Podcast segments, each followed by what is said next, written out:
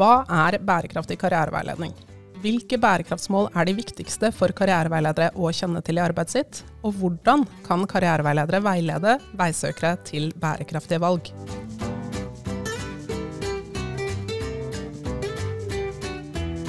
Hei, og velkommen til Veilederforumpodden, en podkast fra Direktoratet for høyere utdanning og kompetanse. Mitt navn er Mari Torbjørnsrud, og jeg er en av fagredaktørene for veilederforum.no, et nettsted for deg som veileder om utdanning, jobb og karriere. Bærekraft er et tema som i økende grad diskuteres i karriereveiledningsfeltet. Det er tema både på Nasjonal karriereveiledningskonferanse 6. og 7. november, i en artikkelserie på veilederforum.no og på en rekke andre fagdager, webinarer og arrangementer. Ofte så er det miljøperspektivet og grønn veiledning som løftes frem. Men FNs bærekraftsmål er 17 mål som til sammen utgjør verdens felles arbeidsplan for å utrydde fattigdom, bekjempe ulikhet og stoppe klimaendringene innen 2030. Hvordan relaterer bærekraftsmålene seg til karriereveiledning, sammen og hver for seg? Mange offentlige karrieretjenester er allerede forpliktet til å oppfylle bærekraftsmålene gjennom ulike styringssignaler, men hvordan kan ulike karrieretjenester eller den enkelte karriereveileder bidra til arbeidet med å nå bærekraftsmålene. I denne episoden skal jeg snakke med både Stian Olsen fra FN-sambandet og professor Tristram Hooley fra Høgskolen i Innlandet og University of Derby om bærekraft og karriereveiledning. I del én av denne episoden har jeg besøk av Stian Olsen fra FN-sambandet. FN-sambandet er et uavhengig informasjonssenter med FN og internasjonale spørsmål som arbeidsområde. Målet deres er å øke kunnskap og skape debatt om disse temaene i Norge. I dag skal Stian fortelle litt om hva bærekraftsmålene er, hvordan ulike offentlige organisasjoner kan jobbe med bærekraftsmålene, og hvordan de til dels overordnede målene kan konkretiseres og tas tak i i en travel arbeidshverdag. Velkommen hit, Stian. Takk for at jeg fikk komme. Kan ikke du starte litt med å fortelle litt om oppdraget til FN-sambandet? Det kan jeg gjøre. Vi er opptatt av å være der folk er. Så vi kommer oss ut og møter, eh, på, om det er på skoler eller på foreninger eller på møter, eh, hvor vi kan være og diskutere bærekraft eller andre typer FN-temaer man er opptatt av. Vi er veldig mye ute i skolen. Mange kjenner oss jo tross alt stort sett for FN-rollespillet, som er kanskje det vanligste vi er med på, men også type ting som det her, da, hvor vi går ut og diskuterer om bærekraft. Hva er det, hva kan du gjøre, uh, og hvordan burde kanskje din organisasjon eller ditt yrke eller ditt direktorat for vi har også vært med HKDIR her, full, full, disclosure på den. Eh, og være um, ute. Så vi er da altså fra Tromsø i nord eh, via Trondheim, Kristiansand, Stavanger og Bergen og Oslo, representert over hele landet. Før vi går inn i bærekraftsmålene, kan du si litt om hva bærekraftig utvikling er? Ja, for bærekraft er et sånt forslitt, bredt begrep som alle har et forhold til. Eh, jeg tror det er et av de ordene som er mest irriterende for mennesker akkurat nå. Det er fordi at dette brukes jo til så mangt. I FN-sammenheng så tenker vi ikke på den at noe er økonomisk bærekraft, at det går opp, men man tenker mer på uh, et bredere bærekraftsbegrep. For ofte er det slik at man ønsker å se på dette holistisk, altså helhetlig. Og du var inne på det med både løfte folk ut av fattigdom og bekjempe klimakrisen. Uh, og det ligger i det at det er tre dimensjoner bak dette bærekraftsbegrepet. I den sammenhengen jeg er vant til å snakke om dette, her, da, og jeg liker å si de, for det ofte er det ikke sånn man alltid tenker på de. Når man sier 'å, dette er bærekraftig', supert. Så da har vi den første dimensjonen, som er klima og miljø. Og da har man klima, det forstår veldig mange er en naturlig del av bærekraft. Det er derfor vi måtte, er her nå. Det er fordi vi jobber med bærekraft. Vi ønsker å stoppe klimaendringene.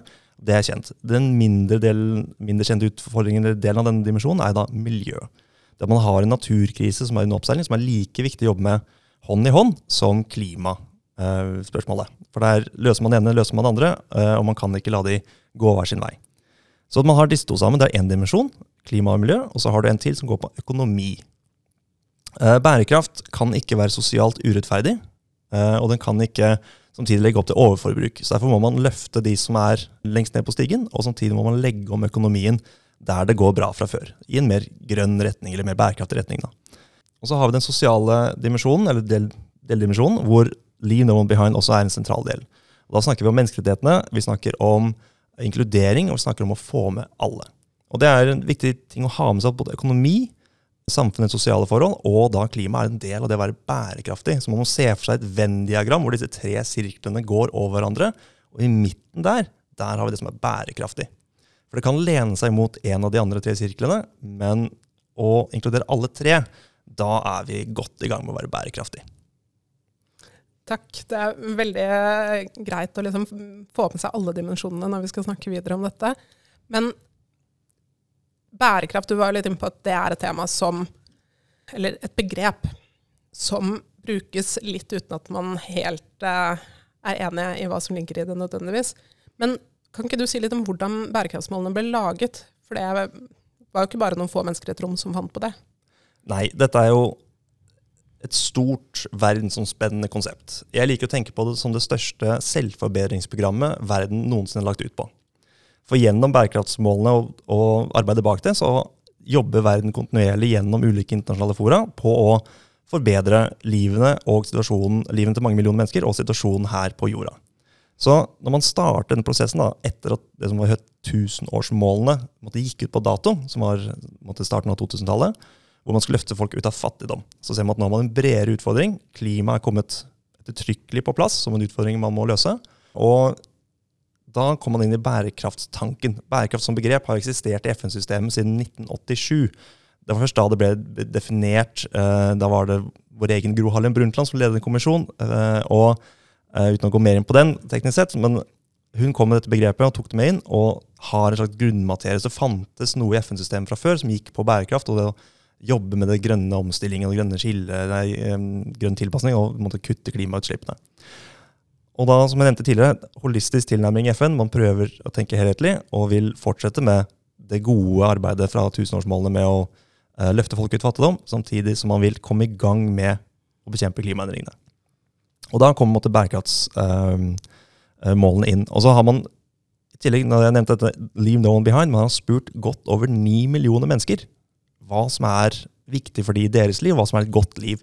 Hva trenger du? Og da får du svar tilbake som ja, jeg må ha tilgang på helsetjenester, god mat, eh, jeg må kunne finne mat i skogen, altså for alt, alle mulige ting du kan tenke deg, som har blitt spurt samlet inn. Og så blir dette grunnlaget. Man har en gammel kommisjon som har undersøkt bærekraft, hva det er for noe.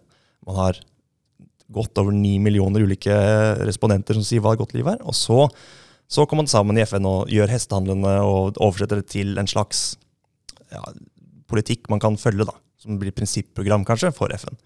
Og Det er sånn bærekraftsmålene blir til. I en sånn grundig gjennomarbeidet byråkratisk situasjon. Så har man flaks at USA, Kina og Russland var ganske venner på starten av 2010-tallet. når dette ble laget. Vi kan kanskje se noen større vanskeligheter med å få det gjennom i dag, f.eks. Så erstatteren til dette etter 2030 er vanskelig å se for seg. Men uh, man har alle disse tre tingene her. At Man har en sånn veldig fin geopolitisk situasjon. Og at man tenkte yes, nå finner vi sammen. Men det er jo også noen kritiske stemmer uh, som har hatt eh, innvendinger mot bærekraftsmålene og hvordan, hvordan, de er definert. Tenker du at de kan ha rett i noe av kritikken? Det som både er styrken og svakhetene til bærekraftsagendaen og bærekraftsmålene, er jo at det er et prinsipprogram. Det betyr at det er bevisst litt vagt. Og det betyr at det er et stort omsettingsarbeid, et oversettelsesarbeid fra generalforsamlingen i FN-bygget i New York til si en tilfeldig potetfabrikk eller chipsfabrikk på Hamar eller Toten. eller et eller annet sånt. Det er en lang vei fra, fra disse prinsippene ned til en reell endring i en bedrift nær der du bor. Og det omsetningsarbeidet ser vi at ja, det er derfor jeg er her, blant annet. Vi gjør veldig mye av det, for man prøver å tilpasse dette til, til lokale forhold. Nå ligger det også mange nitty-gritty sånn delmål i agendaen. som man kan, Det er ikke bare de 17 målene, det er jo langt flere enn det. Eh, så man kan komme tettere inn i hva dette går ut på. Men likevel, eh, ja, hvis du tar et mål som betyr mindre ulikhet, f.eks., så er det fortsatt ganske mye som ligger inne der som uh, hvordan skal jeg som menneske eller stat eller kommune forholde meg til det? Det kan være vanskelig.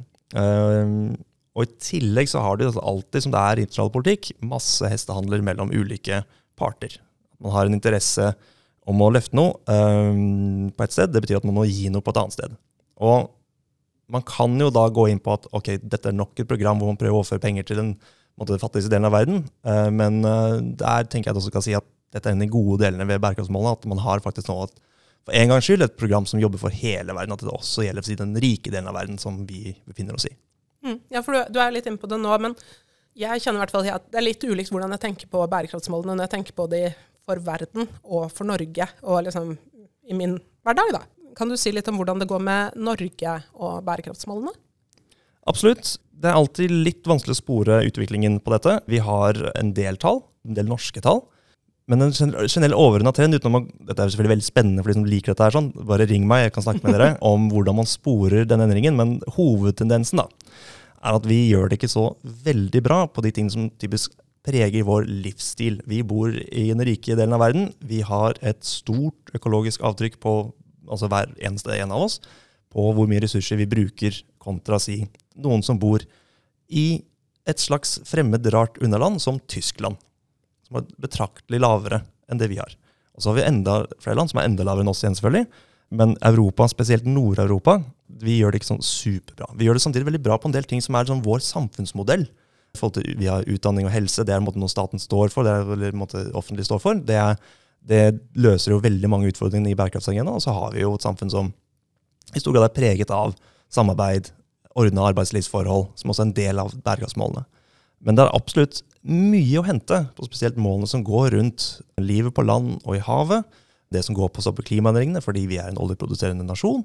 Og så det siste som kanskje er mest på det individuelle igjen, som går på overforbruk, eller ansvarlig forbruk, som heter, i bærekraftsmålsammenheng. Norge får mye gratis av vår samfunnsmodell. Det er det første vi kan si som er måte, bra. Tommel opp. Vi har et offentlig helsevesen, vi har offentlig utdanning, eh, som dekker jo mange av bærekraftsmålene. Vi har et samfunn med generelt, iallfall på verdenssammenheng, relativt små forskjeller. Og vi har lite sultproblematikk, f.eks. Altså ting som går inn i mange av bærekraftsmålene. Eh, samtidig så er det tydelig at det er noen mål som skiller seg ut, for man kan bruke litt tid på å finne ut hva, hva har vi tall på her. Hva, hvordan kan vi vite noe her? Vi kan nøye oss med at vi får en del tall på at det går bra, men en tendens, i hvert fall, som kan si, ved å bruke liksom, eh, noen uh, ulike sivilsamfunnsorganisasjoner i utlandet som tracker dette her, er at det går spesielt på livet på land, livet i havet. På vern av disse områdene går det så der. Det er en generell trend i hele den rike verden, for så vidt. Uh, men også har vi det målet som går konkret, altså mål 13, som går på å stoppe klimaendringene, er, er går generelt dårlig for oss på. Det har også litt med at når man tracker utslippene våre, så er vi ikke bare rettet mot oss selv, for vi produserer også mange andre lands utslipp. ikke sant? Men det regnes også ofte inn til oss. da. Og så har vi det siste, som går på ansvarlig forbruk, eh, bærekraftsmål 12, hvor vi kanskje har mest å gjøre, eh, både som samfunn og som enkeltperson. For den jevne nordmann, bare ved å være norsk, eh, slipper ut ca. 11 tonn CO2 per år. Globalt så tenker man at man burde strekke seg ned mot et sted mellom 4 og 5 for at alle menneskene på jorda skal ha et cirka likt liv. Så bak den erkjennelsen at vi har dobbelt så høyt utslipp per person som andre burde ha, så ligger det kanskje, eller burde tenker jeg i hvert fall, ligge motivasjon på at jeg må ta inn om at her i Norge må vi gjøre noe. Vi er et rikt land, vi har muligheten til å gjøre noe. Vi er ikke avhengig av andre land for å få til ting internt hos oss selv. Vi trenger ikke de overføringene. Vi har penger på bok, vi kan gjøre noe. Og det gir rom for ganske mange endringer man kan gjøre. For uh, vi forplikter oss til mange av disse tingene, og så er det noe med gjennomføringsevnen. Det er jo litt, litt skuffende å se at liksom, vi ikke får til mer CO2-kutt, f.eks., mens Sverige får til betraktelig mer. Vi trenger ikke se veldig langt for inspirasjon på at det nytter å gjøre noe hvis man virkelig vil. Da. Det, det, kan jo være noe med uh, at det er, litt, det er, litt, mer skepsis til uh, denne bærekraftstenkningen i Norge enn det er i andre land her i Norden, f.eks. Eh, det merker man. Det er ikke sånn at det er opprør i gatene, men det er mer motstand kanskje da, på, på en del av disse tingene. Og det, det er ikke nødvendigvis eh, feil. Det betyr at man diskuterer saken bedre. Men, det betyr også at vi kanskje sinker litt, da, sanker litt av på dette. her, som, Når vi forplikter oss da til f.eks. å verne 30% av all, alle kyst- og havområder, eh, så vet jeg ikke om det kommer så umiddelbart inn i alle politiske program, for eksempel, men det har vi da. En avtale som kom i fjor, som jeg har underskrevet på. Så her ligger det at på bærekraftsagendaen ligger det ting og venter som at vi skal gjøre. Som vi trenger å komme i gang med, både som store systemendringer og at noen politikere må være veldig tøffe uh, og ta disse prioriteringene, for det vil jo da selvfølgelig gå utover noe annet. Og så har vi de tingene som vi kan komme inn på litt senere, som går på personlig. Hva kan du selv gjøre? Uh, som ligger og venter bak det. For om man bor i Fredrikstad, Oslo, uh, Tromsø eller en eller annen by til, Molde, så er det fortsatt sånn at du og ditt nærmiljø trenger å ta inn over deg at man har en global utfordring, og den skal løses lokalt. Den skal løses av deg, den skal løses på ditt arbeidssted, den skal løses av din familie, og den skal løses av ditt land og din kommune. Eh, og da må man ta inn seg at Norge er ikke best i klassen på en del ting som går på spesielt denne natur- og eller klima- og miljødimensjonen. Vi er ganske gode på økonomi- og sosialdimensjonene, som jeg nevnte tidligere, men ikke kanskje akkurat det på klima og miljø. Mm. Hvor er det man eh, har mest potensial til å legge inn eh, innsats fremover? Jeg liker å trekke fram den siste, for da ofte kommer du rett inn i hva den enkelte kan gjøre, hva en organisasjon kan gjøre, hva en skole kan gjøre, hva en bedrift kan gjøre, og det er forbruk. Når jeg nevnte det så vidt i stad også, så kom man inn i en verden hvor vi har mulighet til å påvirke en del, som enkeltpersoner. For da kan man enten gå inn og si jeg skal prøve å kutte noe her, og det jeg kan kontrollere, og så er det selvfølgelig masse systemiske endringer på samfunnsnivå som må gjøres. Eh, men de systemiske endringene kan ikke eksistere i en verden hvor det ikke den enkelte også gjør endringer.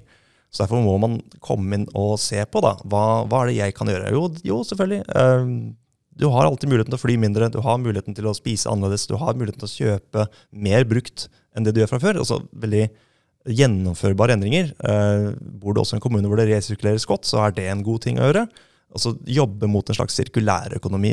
Det er et godt bidrag mot bærekraft som den enkelte kan slenge seg på. Og så vet vi igjen at fordi vi bor i et samfunn som det norske, så er det mange store endringer som gjør det sånn, er på samfunnsnivå. Så der kommer kanskje litt Hvilke partier vil du stemme inn? Hva slags partiprogram? Få alle partiene til å si noe om eh, klima eller bærekraft, og få og stemme på de. Mm. Nå har vi selvfølgelig rett etter valget dette spilles inn, så det får bli noe som ligger kanskje mer i bakhodet. Men den er absolutt der som en ting man kan gjøre da, for det å få ned sitt personlige fotavtrykk, det er en generelt en god ting å ha i bakhodet i hvert fall. Mm. Bærekraftsmålene de kan jo oppleves som litt vage og overordnede. Og nå har du vært litt inne på hva enkeltmennesker, altså folk flest, kan gjøre. Men vi har diskutert mye når vi har holdt på å lage konferanseprogrammet, at når man skal jobbe bærekraftig med karriereveiledning, så må det gjøres på flere ulike nivåer. Det ene er jo liksom på nasjonalt nivå hva eh, myndigheter og direktorater og sånn finner på til en viss grad. Og mange eh, karrieretjenester er jo forpliktet til å jobbe mot bærekraftsmålene, sånn som vi som direktorat er det, eller i fylkeskommuner eller skoler eller sånn. Og så er det jo på en måte på kanskje det enkelte senter, den enkelte skole, det enkelte universitet. Og så er det i samtale med veisøker, én-til-én-samtale. Og det er jo nødvendigvis litt forskjellig hvordan man jobber bærekraftig i de tre kontekstene. Har du noen eh, refleksjoner rundt karriereveiledning og bærekraft? den viktigste tingen å ta inn over seg, når vi viser litt tilbake til dette bærekraftsbegrepet, at det faktisk, når vi har et helhetlig bærekraftsbegrep, så er det ingen yrker eller retningsvalg som ikke involverer bærekraft.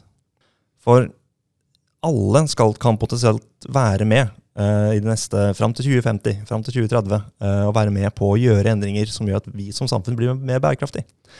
Så da kan man kanskje heller veilede retningen av, eller diskutere retningen av hva, hvordan vil du egentlig bidra til den endringen? Hva er din hjertesak, kanskje? Hva er din, uh, hvor ser du for at du vil ha kompetanse på å gjøre noe? Hva kan du bidra med inn der? Og se om ikke man kan matche opp, kanskje i karriereveiledning, da, f.eks. Uh, retningsvalg sammen med den biten. For hvis det er et like stort behov for at de som tar ingeniørutdanning, eh, som tradisjonelt kanskje ville gått til oljebransjen, eh, nå har et kanskje mer utvida energibegrep i tankene når de utdanner, utdanner, seg. For jobben de utdanner seg til nå, er kanskje ikke den samme om fem år, ti år, eh, pga. den kommende endringen i vår egen energiproduksjon. Så det er slike perspektiver man må ha med seg inn. Uh, og i tillegg så er det sånn, Jeg syns det er veldig floskelt og gøy, gøy av den grunn. Uh, men hvordan vil du redde verden? er jo en fin inngang synes jeg generelt med ungdom. Uh, for da får du frem jo kanskje det. Type, og du får kanskje i gang en refleksjon. da. Men jeg syns den viktig at dette blir en del av alle samtaler, på en måte, er der man kommer inn. Det trenger ikke være en hovedingrediens i alle samtalene, kanskje. Altså Vil du bli vernepleier, så er det sånn, da skal ikke du redde verden, kanskje, men du skal ta noen bærekraftige valg underveis i også det yrket. Uh, og alle som har vært innom f.eks. en uh, intensiv eller barneavdeling på et sykehus, vet jo at det finnes mye rom for å utvikle mer bærekraftige løsninger også der, selv om man skal ha ting sterilt og og holde orden på, på et sykehus.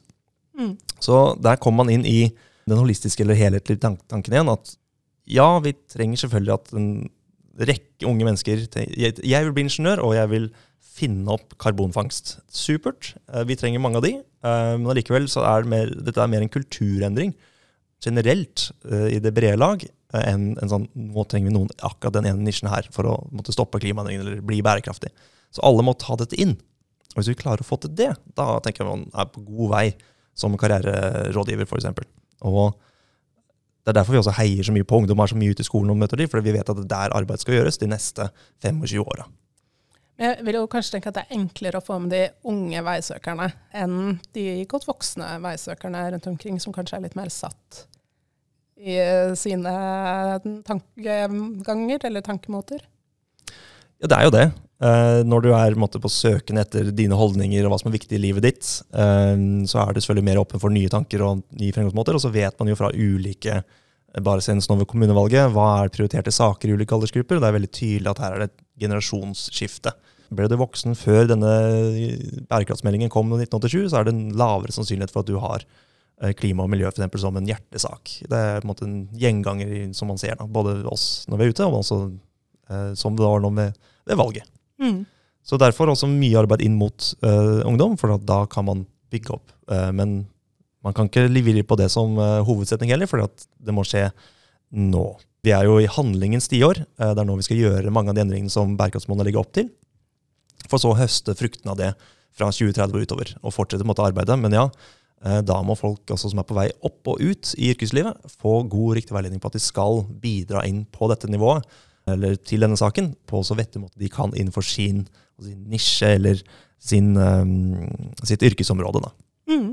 Men det er jo noe av det jeg syns er utfordrende når jeg tenker på bærekraftsmålene, er jo at noen av bærekraftsmålene kan jo være i konflikt med de andre bærekraftsmålene. At det, innenfor én jobb så er det ikke gitt at det er alt er bærekraftig og enig med seg selv, på en måte. Eller ja, skjønner du litt hva jeg mener? Ja, for man ser det er veldig altså Alle bærekraftsmål er veldig tett knytta sammen. Og du kan jobbe aktivt for si en bærekraftsmål fire og bedre utdanning, og så kan du samtidig via å gjøre noen ting der ende opp med å forkludre noe annet seinere nedover lia. Si at man ender opp med å kjøpe masse iPader eh, og føre til et overforbruk av eh, litt småelektronikk og vanskeligere kår andre steder i verden. Mm. Det er en måte, helt plausibel utfordring du står i. Og Derfor er eh, sånn som Fosen-saken var nå i våres, altså det er veldig, det å jobbe bærekraftig, det er ikke bare å sette opp en vindmølle, du skal vurdere flere ting. ikke sant? Og Derfor kan vi referere tilbake til det lille Venn-diagrammet jeg beskrev tidligere, hvor man er innom alle de tre områdene for å faktisk sjekke ut ok, hvordan, hva er slagsiden av dette her. Treffer man godt nok ved å gjøre denne prosessen eller dette valget eller si disse tingene. Og så har man samtidig også den motsatte effekten. da. Altså, du jobber med et bærekraftsmål, så støtter du også opp om veldig mange andre bærekraftsmål. Jeg tar meg tid til ett eksempel, og det er bærekraftsmål fem, som handler om eh, likhet mellom kjønnene. Jobber man mellom, med likhet mellom kjønnene, så vil man samtidig styrke god utdanning, for da må du ha utdanning til alle. Du styrker uh, ting som uh, å avskaffe sult, spesielt ute i verden hvor særlig kvinner har ansvar for husholdningen. Uh, man støtter opp om sterke institusjoner. man må ha likevekt mellom kjønnene, f.eks. Dette er effekter som kommer ved siden av hverandre. Og så vet vi at enkelte steder også så er det en viss sammenheng mellom hvor god personøkonomi en husholdning har, og hvor mye uh, innflytelse en kvinne har der. For de er bedre på å styre økonomien enn menn er. ikke sant? Sånn helt generelt sett. Så da ser man at uh, man får en del effekter. Man vurderer ting litt annerledes ved å jobbe med ett mål. Og de henger så tett sammen at det å fokusere på noen mål i seg selv gjør at bærekraftsagendaen går bedre. da. Mm. Det er jo ganske, Man kan jo bli litt overveldet eh, av å skulle være med og bidra til å løse alle 17 målene. Det kjenner i hvert fall jeg på. Men hvordan vet du om du lykkes? Det skulle jeg gjerne kunne vist til nå. Gå inn på fn.no, så bare har jeg lykkes. Se der. Uh, men det er, det er en sånn kulturendring da, som vi i fall på Heinoden, vi må endre hvordan vi gjør ting. Uh, for oss så er handler det mer om litt mer flytende endringer, altså holdningene våre. og da tenker jeg rett ut at da må du egentlig bare sette en slags linje i sanden på hvordan du bestemmer deg. Si bursdagen din i år, og så tenker du kanskje om et par år skal jeg gjøre ting annerledes. Um, det det, på et rent personlig nivå, altså, hvor eh, jeg vil eh, f.eks. Eh, bidra med mindre avtrykk pga. at jeg spiser bedre for bærekraftstenkning enn jeg gjør nå. Og så kan du sammenligne tilbake. Og det er bare sånn man jo tracker sånn best før, best practice nå, og hva er ideell situasjon seinere. Så ser man på hva får man til. For det er disse små tingene Folk har nok endret seg litt over tid mer enn de tror. For ubevisst har vi i løpet av min egen tid som si, voksen, etter å være ferdig på skolen selv, har, har jo forbruket i Norge gått sto, massevis opp. Men den der mentalitetsendringen som har kommet til, og dette, nå snakker vi bare om noen par siste årene, så er det i ferd med å snike seg inn en helt annen type holdning til spesielt brukt kjøp, som er på, på en helt annen fot i en diskusjon nå enn vi merker bare for tre-fire, kanskje fem år siden. Uh, så det sniker seg sakte, men sikkert inn. En sånn holdning om at du skal bruke noe brukt istedenfor å kjøpe noe nytt. For for ti år siden så var det nytt, nytt, nytt, nytt, nytt som gjaldt. Uh, så sånn ser man jo når man sammenligner over tid. Men for den enkelte å vite at det lykkes med dette, har vi foreløpig ikke sånn supergode måter utenom at du må selv reflektere litt over og være, se på din egen bevissthet rundt hva det er du gjør. Som eh, karriereveileder, eksempel, så tenker jeg at du fint kan se, tenke på hva er det jeg tar opp av spørsmål nå, når jeg sitter da med en søkende eller en eh, som vil ha, ha veiledning. Hva, hva, er det jeg har endret på? Har jeg tatt inn noen spørsmål som gjør at dette kommer på agendaen med, med alle som er i gang, f.eks.? Da tenker jeg man er jo på vei, i hvert fall, du må lykkes. Det er jo, som alle som jobber i skolen, vet at det tar veldig lang tid å se resultatene av det du gjør. Så det er ikke gitt at du rekker det kanskje på et møte eller ti år, men uh, man må jo i hvert fall håpe at det bidrar til noe. Tusen takk for at du kom i dag, Stian. Dette har vært kjempeinteressant. Jeg håper det har vært nyttig for de som har hørt på. Veldig fint at du kunne ta turen hit i dag. Takk for at du kom, og jeg heier på alle som har lyst til å gjøre noe bærekraft, så heia dere som hører på også. Takk for det.